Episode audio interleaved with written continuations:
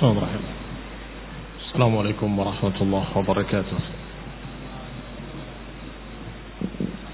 إن الحمد لله نحمده ونستعينه ونستغفره ونعوذ بالله من شرور أنفسنا ومن سيئات أعمالنا. من يهده الله فلا مضل له ومن يضلل فلا هادي له وأشهد أن لا إله إلا الله وحده لا شريك له وأشهد أن محمدا عبده ورسوله صلى الله عليه وعلى آله وأصحابه والتابعين وتابع التابعين ومن تبعهم بإحسان إلى يوم الدين.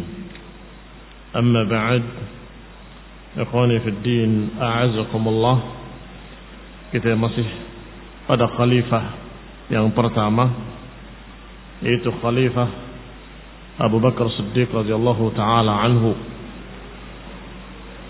Masih tentang ilmu beliau dan kecerdasan beliau radhiyallahu taala anhu. Qala Suyuti rahimahullah faslun fi ilmihi wa zakaihi radhiyallahu taala anhu pasal tentang ilmu beliau dan kecerdasan beliau. Qala Nawawi rahimahullah fi tahdhibihi wa min khattihi naqaltu istadalla ashabuna ala 'azmi ilmihi بقوله رضي الله تعالى عنه في الحديث الثابت في الصحيحين. والله لأقتلن أو لأقاتلن من فرق بين الصلاة والزكاة. والله لو منعوني عقالا كانوا يؤدونه إلى رسول الله صلى الله عليه وسلم لقتلتهم على منعه. Berkata An-Nawawi rahimahullah seorang tokoh ulama terkenal dari madhab Syafi'i bahkan termasuk tokoh besarnya. Di dalam tahdzib beliau wa min khattihi naqaltu. Kata Suyuti aku menukil dari tulisan tangan dia sendiri. Istadalla ashabuna ala 'azmi ilmihi biqaulihi radhiyallahu anhu. Sahabat-sahabat kami, yakni para ulama dari madhabnya, madhab Syafi'i, istadalla ala azmi ilmihi, berdalil tentang luasnya atau besarnya ilmu Abu Bakar dengan ucapan beliau, dengan ucapan Abu Bakar ketika berkata dalam hadis yang sahih yang sabit fi sahihain yang telah sabit dalam dua kitab sahih Bukhari dan Muslim bahwa Abu Bakar berkata wallahi la uqatilanna man farraqa baina salati waz zakah wallahi law mana'uni iqalan kanu yu'addunahu ila Rasulillah sallallahu alaihi wasallam laqataltuhum ala man'i yang artinya Kata Abu Bakar demi Allah, aku akan perangi orang-orang yang membedakan antara salat dengan zakat. Demi Allah, kalau mereka tidak mau membayar kepadaku iqalan dalam riwayat lain inaqan anak unta Kanu yu'addunahu ila Rasulillah yang biasa mereka berikan kepada Rasulullah SAW sebagai zakatnya. Laqataltuhum ala man'ih. Aku akan perangi mereka karenanya. Titik. Taruh pensilnya, taruh penanya, perhatikan sini. An-Nawawi rahimahullah menyatakan bahwa sahabat-sahabat kami biasanya kalau seorang mengatakan ashabi dari para ulama madhab yang dimaksud adalah ulama di madhabnya. Bahwa ashabuna, sahabat-sahabat kami dari para ulama dari madhab kami, ini madhab syafi'i, berdalil untuk menunjukkan kalau Abu Bakar adalah orang yang jenius, yang cerdas, itu dengan riwayat yang sahih dalam Bukhari dan Muslim ketika Abu Bakar mengatakan wallahi La uqatilanna man farraqa baina salati waz zakah. Demi Allah aku akan perangi orang yang membedakan antara salat dengan zakat. Ini menunjukkan kecerdasan beliau. Mengapa? Kisahnya bahwa ketika Rasulullah SAW wafat, beberapa suku dari Bani Hanifah dan beberapa suku yang bersamanya tidak lagi mau bayar zakat. Dan mereka berkata, suku-suku ini, kami nggak akan mau membayar zakat kepada seseorang yang salawatnya tidak menentramkan kami. Dulu Rasulullah SAW salawat beliau menentramkan kami. Dan mereka mengambil ayat Allah Subhanahu wa taala yang berkata, "Khudh min amwalihim sadaqatan tutahhiruhum wa tuzakkihim biha wa shalli 'alaihim Inna salataka sakanun lahum. Kata Allah, ambil dari mereka zakat mereka untuk mensucikan mereka dan membersihkan mereka. Dan doakanlah dengan salawat kepada mereka. Karena salawatmu menenteramkan mereka. Inna salataka sakanun lahum. Salawatmu wahai Rasul menenteramkan mereka. Nah, orang-orang ini berkata, dulu salawat Nabi ketika kami bayar zakat, Allahumma salli ala ali fulan, kami senang, kami tenteram dengan salawat Rasulullah. Sekarang nggak ada Nabi, nggak ada Rasul, dan salawatmu nggak menenteramkan kami, katanya. Kami nggak mau bayar zakat. Maka Abu Bakar Siddiq sebagai khalifah yang sudah dibayat dengan sah berkata, Aku akan perangi mereka yang tidak mau bayar zakat. Para sahabat membujuknya, ya Amirul Mukminin. Wahai Abu Bakrin. Termasuk Umar. Yang berkata kepadanya. Ya Amirul Mukminin. Wahai Abu Bakr. Apakah kita akan perangi orang yang sholat? Bukankah mereka masih sholat? Apakah kita akan perangi orang yang mengerjakan sholat? Padahal Nabi bersabda, Umirtu an nuqatilan nas hatta yashhadu an la ilaha illallah. Wa idza qaluha asamu minni dima'ahum wa amwalahum. Bukankah Nabi berkata, Aku akan perangi manusia sampai mereka mau mempersaksikan tidak ada yang berhak diibadahi kecuali Allah. Dan kalau mereka sudah mempersaksikan terlindung darahnya dan hartanya. Berarti kita tidak boleh memerangi orang yang mengucapkan la ilaha illallah dan nggak boleh memerangi orang yang masih salat. Apa jawaban Abu Bakar sebagai khalifah?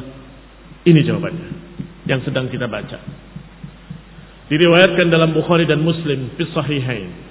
Abu Bakar berkata, "Wallahi la uqatilanna man farraqa baina salati waz zakah." Sungguh demi Allah, aku akan perangi mereka yang membedakan antara salat dengan zakat. Salat hukumnya wajib, zakat juga hukumnya wajib. Salat rukun Islam, pokok ajaran Islam, zakat juga pokok ajaran Islam. Kenapa kamu sholat tapi nggak mau bayar zakat? Apakah kalian membedakan antara sholat dengan zakat? Lihat cerdasnya Abu Bakar. Di sinilah kecerdasan beliau radhiyallahu taala anhu. La uqatilanna man farraqa baina salati waz zakat. Sungguh demi Allah aku akan perangi mereka yang tidak mau bayar zakat. Karena berarti dia membedakan antara sholat dengan zakat. Bagaimana menurut kalian hukumnya sholat? Mereka akan berkata sholat itu wajib, rukun dari rukun Islam. Zakat juga. Wajib, rukun dari rukun, rukun Islam. Bukankah sholat itu pembeda antara Islam dengan kafir? Zakat juga demikian. Karena ini rukun, ini rukun. Kalau rukunnya, pondasinya hancur, maka bangunannya akan hancur. Zakat juga demikian. Siapa yang tidak membayar zakat dengan sengaja dengan berkata saya tidak mau bayar zakat, nggak mau mengerjakan rukun dari rukun-rukun Islam, bangunan keislamannya runtuh. Bangunan keislamannya runtuh. Yang berarti harus diperangi.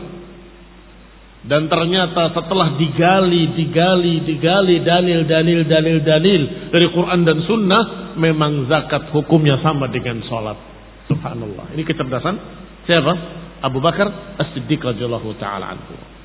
Bahkan disebutkan dalam satu ayat dengan kalimat wa in tabu wa aqamu salata wa atau zakah fakhallu sabilahum kalau mereka taubat, mengeluar, mengerjakan salat dan mengeluarkan zakat, maka biarkan mereka, jangan diperangi.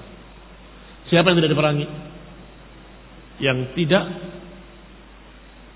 tidak lagi kufur, artinya taubat. Yang tabu, yang bertaubat. Apalagi syaratnya? Wa aqamus salah, mengerjakan salat. Wa atau zakat dan mengeluarkan zakat selalu diiringkan bersama antara sholat dengan zakat. Sholat, zakat, sholat, zakat selalu bersama-sama dalam Quran. Aqamu sholat wa atawu zakat. Tuqimuna sholat wa tu'tuna zakat. Alaysa kadzalik? Maka ketika Nabi diperintah oleh Allah untuk memerangi mereka, sampai kapan? Kata Allah, wa in tabu wa aqamu salata wa atau zakata fakhallu sabilahum. Atau dalam ayat sebelumnya atau ayat sesudahnya fa ikhwanukum fid din. Kalau mereka sudah taubat dari kekafirannya sudah sholat dan mengerjakan zakat maka jangan diperangi atau dalam ayat lain fa ikhwanukum fid din mereka saudara kalian berarti syaratnya dikatakan saudara kalian yang tidak boleh diperangi adalah tabu wa aqamus salat wa atau zakat bertaubat, mengerjakan sholat, dan mengeluarkan zakat. Dua ini tidak bisa dipisahkan. Maka kalau ternyata tidak mau sholat atau tidak mau zakat, apalagi tidak mau dua-duanya, tetap diperangi. Tetap diperangi.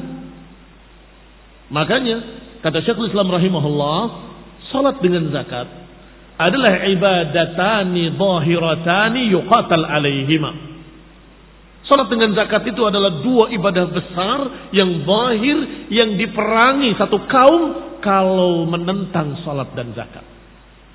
Dua ini dikatakan yuqatal alaihima. Sehingga Abu Bakar dengan yakin bahwa keputusannya tidak salah. Kami akan perangi mereka yang tidak mau bayar zakat. Tapi kan mereka masih salat. Aku akan perangi orang yang membedakan antara salat dengan zakat. Salat mau, zakat tidak mau. Apa bedanya antara keduanya? Dua-duanya rukun, dua-duanya dasar Islam, dua-duanya ibadah besar, dua-duanya yuqatal alaihima, diperangi kalau tidak mengerjakan salat dengan zakat. Dengan dalil ayat tadi. Kalau bertaubat salat dan zakat baru kita berhenti. Tangan kita kita tahan, tidak lagi memerangi mereka. Di sinilah kecerdasan Abu Bakar Siddiq dan faqih fikih beliau radhiyallahu taala anhu. Qala maka kata Abu Bakar selanjutnya wallahi law mana'uni iqalan aw inaqan kanu yu'addunahu ila Rasulillah. Sungguh demi Allah kalaupun anak unta yang kecil murah harganya kalau itu yang biasa mereka berikan sebagai zakat bahkan iqalan maknanya seutas tali kalaupun seutas tali yang biasa mereka berikan pada kami sebagai zakat.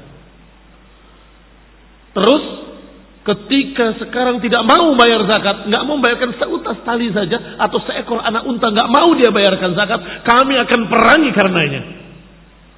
Artinya beliau memerangi mereka bukan karena nilai hartanya, bukan karena nilai uangnya, atau untanya atau zakat tadi seberapa. Bukan itu yang jadi masalah.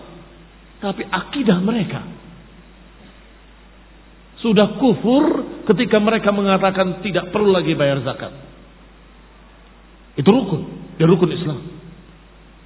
Bahkan para ulama menyatakan bahwa lima rukun ini adalah pondasi.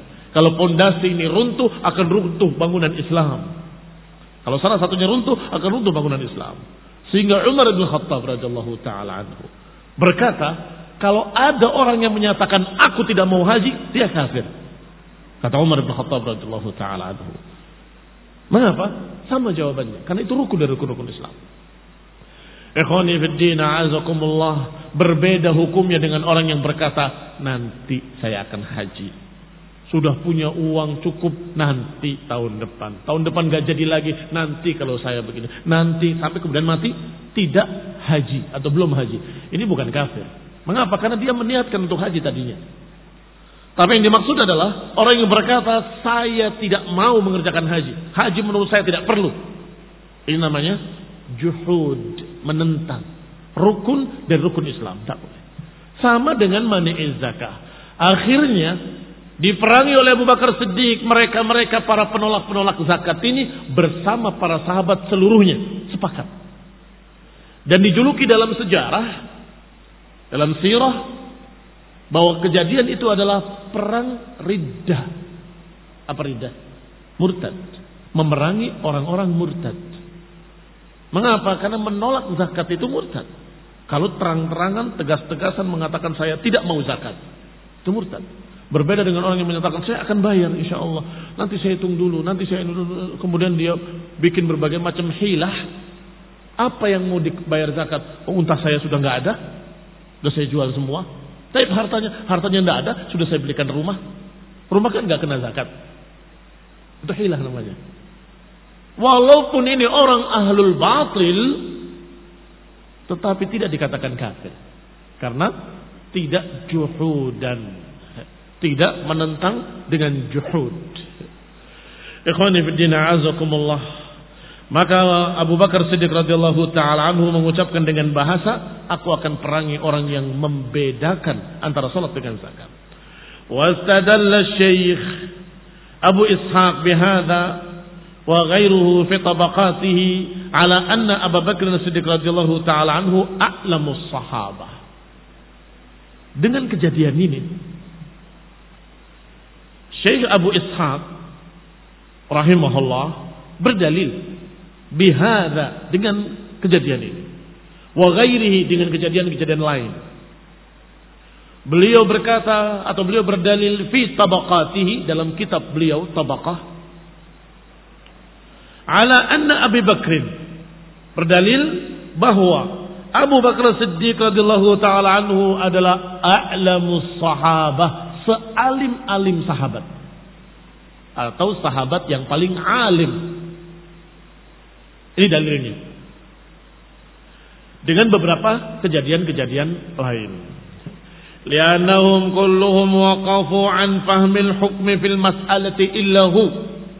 Karena mereka para sahabat berhenti, tidak paham tentang masalah atau hukum masalah tadi orang yang tidak mau bayar zakat.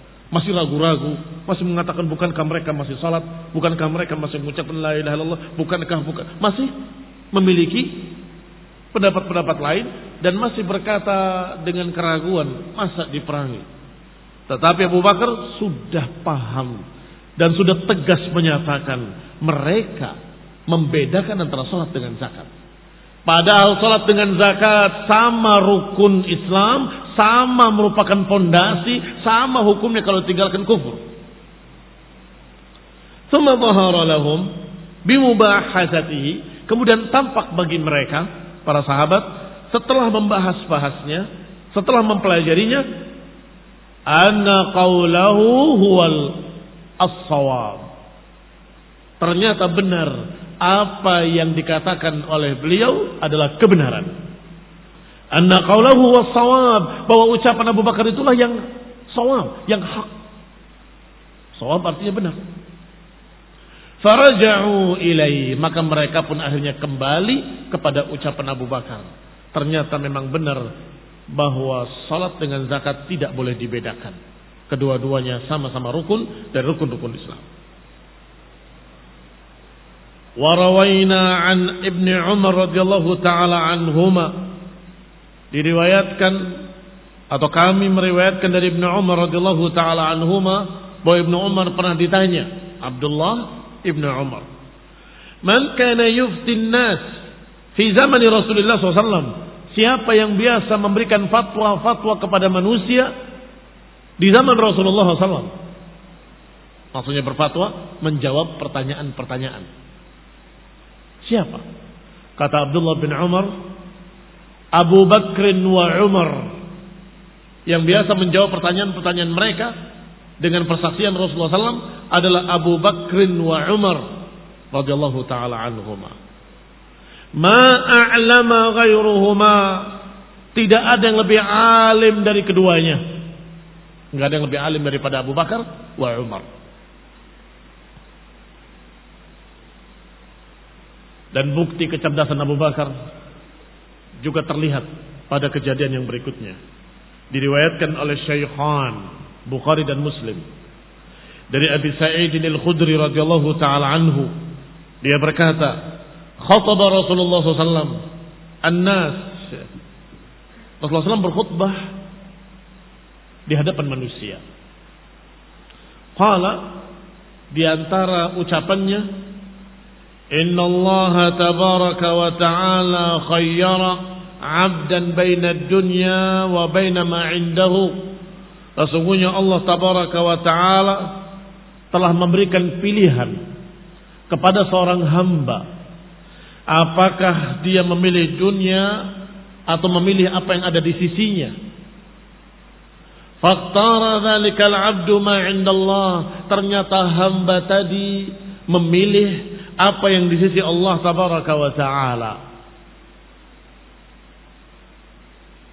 Ini ucapan Rasulullah SAW di hadapan para sahabat. Fabaka Abu Bakrin. Tiba-tiba Abu Bakar menangis. Menangis, menangis sambil berkata nufdika bi abaina wa ummahatina ya Rasulullah kami berikan bapak-bapak kami dan ibu-ibu kami sebagai tebusan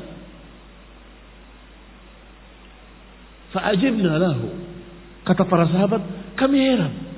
Abu Bakar kenapa menangis? Kami heran. Fa'ajibna lahu. Kami merasa takjub. Libukai dengan tangisan beliau. An yukhbirallah atau yukhbira Rasulullah SAW an abdin khuyyir. Kenapa dia menangis? Ketika SAW menghabarkan ada seorang hamba yang diberi pilihan mau dunia atau mau apa yang ada di sisinya. Ternyata barakallahu fikum yang dimaksud oleh Rasulullah SAW seorang hamba adalah diri beliau sendiri alaihi Artinya Rasulullah SAW menghabarkan ada seorang hamba yakni diriku diberi pilihan oleh Allah mau dunia atau mau yang ada di sisi Allah Taala. Ternyata hamba itu memilih di sisi Allah. Artinya Rasulullah SAW diberi pilihan. Mau tetap hidup di dunia atau mau diwafatkan. Ternyata Rasulullah SAW memilih diwafatkan. Memilih apa yang di sisi Allah Subhanahu Wa Taala. Tidak memilih dunia. Ya tentunya Abu Bakar menangis. Berarti sebentar lagi akan kehilangan Rasulullah SAW akan ditinggal oleh Rasulullah SAW. Maka beliau menangis menangis sambil berkata, "Nufdika bi abaina wa ummahatina." Sungguh kami akan tebus engkau ya Rasulullah dengan bapak-bapak kami dan ibu-ibu kami. Artinya kami lebih memilih engkau daripada bapak-bapak kami dan ibu-ibu kami. Sedangkan para sahabat yang lain ketika itu belum paham atau belum ngeh. Ya, istilahnya belum ngeh Maksudnya apa dan maksudnya siapa? Abu Bakar pertama paham. Abu Bakar yang pertama paham radhiyallahu anhu. Wa kana Abu Bakar a'lamuna dan bahwasanya Abu Bakar memang yang paling alim di antara kami. Faqala Rasulullah sallallahu maka Nabi pun bersabda, "Inna min amannin nasi alayya fi suhbatihi wa malihi Abu Bakr Abu Bakrin." Sungguh di antara manusia yang paling banyak memberi kepadaku dalam persahabatannya dan hartanya adalah Abu Bakar As-Siddiq radhiyallahu taala anhu. Walau kuntu muttakhidan khalilan ghaira rabbi latakhadtu Abu Bakr khalila. Kalau saja aku mengambil khalil kekasih yang paling dicintai selain Allah niscaya aku akan mengambil Abu Bakar sebagai khalilku. Walakin ukhwah al-Islam wa mawaddatuhu. Tetapi ukhuwah Islam cukup persaudaraan Islam. Wa mawaddatuhu dan cukup kasih sayang Islam. La yabqayanna babun illa sudda illa baba Abi Bakrin tidaklah tersisa satu pintu pun kecuali tertutup kecuali pintunya Abu Bakar. Rasulullah SAW sangat-sangat memuji Abu Bakar dan merasa sangat mendapatkan banyak bantuan, banyak jasa dari Abu Bakar. Demikian selesai ucapan An-Nawawi. Di awal tadi kita sebut dengan kalimat berkata An-Nawawi. Sampai titik ini ucapan An-Nawawi rahimahullah. Apalagi yang membuktikan kalau Abu Bakar adalah yang paling alim, yang paling cerdas. Bukti berikutnya. Abu Bakar Siddiq radhiyallahu taala anhu adalah dipilih oleh Nabi sebagai imam. Mengimami muslimin dalam salat jamaah. Dan kalian tahu bahwa syarat menjadi imam adalah akra'ukum di kitabillah. Oleh sekadalik, siapa yang berhak jadi imam? Kata Nabi, ya ummukum akra'ukum li kitabillah. Yang mengimami kalian adalah yang paling bagus atau yang paling alim tentang Al-Quran. Bacanya, memahaminya, dan seterusnya. Maka dikatakan Abu Bakar adalah akra'uhum li kitabillah. Berarti Abu Bakar akra'uhum karena disuruh oleh Nabi menjadi imam. Kita lihat, kita baca. Wa qala Ibnu Katsir, berkata Ibnu Katsir rahimahullah, kana Siddiq radhiyallahu anhu aqra'us sahabah. Abu Bakar Siddiq adalah yang paling qari, yang paling bagus dalam membaca Al-Qur'an dan paling bagus, paling alim dalam masalah Al-Quran. Ay a'lamuhum bil Quran. Yang paling alim tentang Al-Quran. Liannahu sallallahu alaihi wa ala alihi wasallam qaddamahu imaman li salati bil sahabah. Karena beliau sallallahu alaihi wasallam, yani Nabi sallallahu alaihi wasallam qaddamahu memilih beliau untuk maju ke depan. Qaddamahu dikedepankan sebagai imaman, sebagai imam. Lissalati dalam salat bis sahabat, mengimami para sahabat radhiyallahu taala anhu. Sedangkan Nabi bersabda, "Ya ummul qauma aqra'uhum li kitabillah." Sedangkan dalam hadis lain Nabi bersabda, "Yang mengimami kalian adalah yang paling alim terhadap Al-Qur'an." Maka barakallahu fikum. Beliau berarti aqra'uhum li kitabillah. Tentunya setelah Rasulullah SAW. Wa akhrajat Tirmidzi an Aisyah radhiyallahu taala anha dan juga dikeluarkan oleh Tirmidzi dari Aisyah radhiyallahu taala anha. Bahwa beliau berkata Qala Rasulullah sallallahu la yanbaghi liqaumin fihim Abu Bakrin an ya ummahum ghairuhu. Kata Nabi sallallahu alaihi wa ala alihi wasallam tidak sepantasnya satu kaum yang di sana ada Abu Bakar untuk diimami oleh selain beliau. Tidak pantas satu kaum yang di sana ada Abu Bakar untuk diimami selain Abu Bakar. Nggak pantas. Kalau ada Abu Bakar harus dia yang imami. Ini perintah Nabi SAW. Yang menunjukkan bahwa Abu Bakar adalah akra'uhum li kitabillah. Akra'uhum li kitabillah. Kalau tidak ada Abu Bakar, silahkan cari yang akra'uhum. Ketika sebuah pasukan kecil diberangkatkan oleh Rasulullah SAW, maka Rasulullah SAW bertanya pada mereka, siapa di antara kalian yang hafal surat Al-Baqarah? Seorang anak muda mengangkat tangannya, ana ya Rasulullah. Kamu yang memimpin mereka, yang mengimami mereka. Artinya apa? Artinya kalau ada Abu Bakar harus Abu Bakar. Kalau nggak ada kembali ke hukum asal aqra'ukum likitabillah. Yang paling qari, yang paling bagus bacaannya, yang paling alim tentangnya dari kaum tersebut. Wa kana ma'a dzalika a'lamuhum bis sunnah. Juga beliau paling alim tentang sunnah radhiyallahu taala anhu. Kullama raja'a ilaihi as-sahaba fi ghairi mawdi'in yubarrazu alaihim binaqli sunanin 'anil nabi wasallam. Setiap para sahabat merujuk fi ghairi mawdi'in, tidak di satu tempat saja Mawdi'in maknanya satu. Kalau jamak mawadhi'.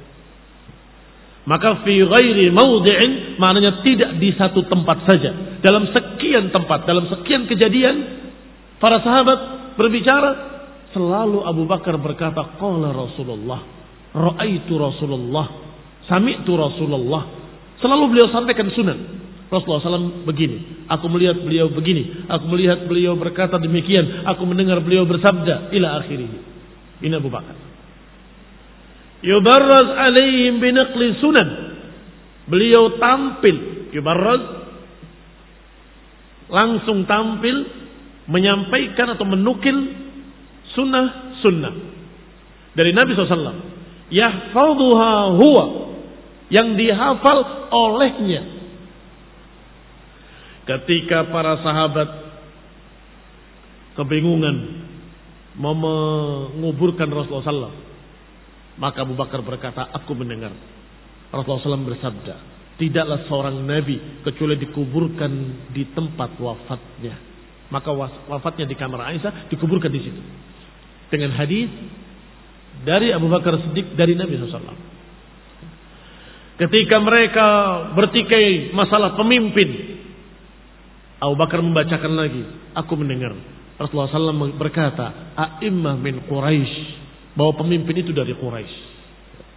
Setiap ada kejadian, Abu Bakar mengatakan, Qala Rasulullah. Qala Rasulullah. A'lamuhum bis sunnah. Berarti Abu Bakar adalah yang paling alim dalam masalah sunnah. Bahkan ketika wafatnya Rasulullah.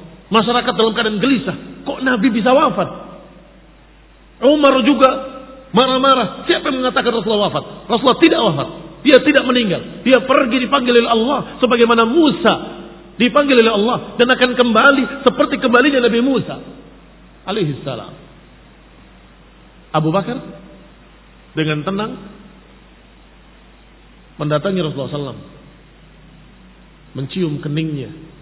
Dan berkata, engkau harum ya Rasulullah. Hidupmu dan matimu. Artinya Abu Bakar yakin ini telah wafat. Sudah dilihat betul-betul wafat.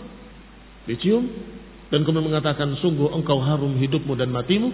Kemudian beliau beranjak ke masjid, naik mimbar, menyatakan dengan muqaddimah pujian kepada Allah, hamidallah wa asna alaih sampai berkata, "Man kana ya'budu Muhammadan fa inna Muhammadan qad mat." Wa man kana ya'budu Allah fa inna Allah hayyun la yamut. Siapa yang beribadah kepada Muhammad sallallahu alaihi wasallam, maka beliau telah wafat. Siapa yang beribadah kepada Allah, maka Allah Maha hidup dan tidak akan mati. Diajarkan akidah tauhid bahwa beliau Rasulullah SAW manusia, wafat. Tetapi Allah yang tidak akan wafat. Tidak akan mati. Kemudian dibacakan dalilnya. Wa ma Muhammadun illa rasulun qad khalat min qablihi ar-rusul afa in mata am qutila qalabtum ala aqabikum. Tidak lain Muhammad kecuali seorang rasul kata Allah.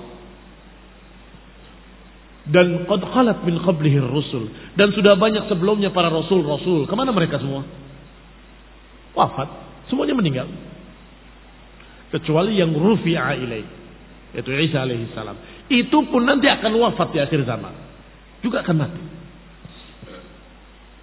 Kemudian ayatnya dilanjutkan. Afa in mata au qutila in qalabtum ala aqabikum apakah kalau dia mati atau terbunuh kalian akan berpaling murtad? Apakah kalau dia mati atau terbunuh kemudian kalian akan murtad meninggalkan agama-agama kalian? Wa man yanqalib ala aqibai falan yadurrullaha syai'a Wasanajzillahu syakirin. Siapa yang berpaling murtad, Allah tidak dirugikan sedikit pun. Pas ayatnya tepat sekali. Sampai kata Umar bin Khattab, sungguh demi Allah. Seakan-akan ayat itu turun kepada Abu Bakar mengenai wafatnya Rasulullah SAW.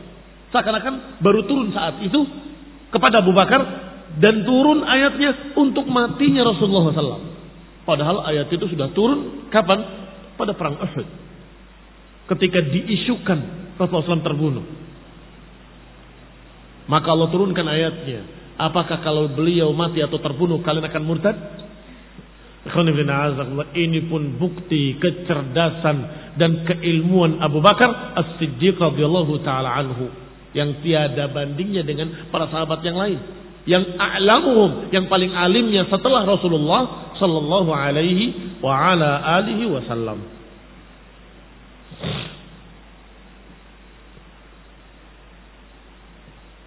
Qala selanjutnya Suyuti berkata rahimahullah wa yastahdiruha indal hajah. Abu Bakar selalu mendatangkan, menghadirkan sunnah-sunnah ketika dibutuhkan. Ketika ada hajat ilaiha. Ketika mereka bertanya tentang ini, Abu Bakar tahu. Ketika mereka memperselisihkan masalah yang tertentu, Abu Bakar tahu. Abu Bakar bacakan. Yang laisat indahum, yang mereka tidak tahu atau tidak dengar atau lupa. Abu Bakar yang membacakan. Wa kaifa la yakunu? Bagaimana tidak demikian? Kaifa la yakunu kadzalik? Bagaimana tidak demikian? Wa qad wadhaba ala suhbati Rasulillah karena beliau terus menerus wadhaba artinya terus menerus ala suhbati Rasulillah terus menerus menemani Rasulullah SAW sepanjang waktu min awalil bi'sah ilal wafah. Abu Bakar itu menemani Rasulullah SAW sejak diutusnya Rasulullah SAW. Berarti pertama Rasulullah dakwah. Yang pertama masuk Islam Abu Bakar. Dan terus menemaninya. Sampai wafatnya. Ya jelas paling alim. Karena paling lama berguru dengan Rasulullah SAW. Selalu bersama bersama beliau. Ke mana pun beliau pergi. Bahkan di saat Rasulullah SAW tidak ditemani oleh siapa pun, ditemani oleh Abu Bakar. Ketika hijrah berdua. Di Gua Hira berdua. Sampai datang ke Madinah berdua. Radiyallahu ta'ala anhu. Naktafi bihadal qadar. InsyaAllah kita lanjutkan pada pertemuan berikutnya. Bismillah ta'ala. Subhanakallahumma bihamdik. Asyhadu an la ilaha illa anta astaghfiruka wa atubu ilaik. Wassalamualaikum warahmatullahi wabarakatuh.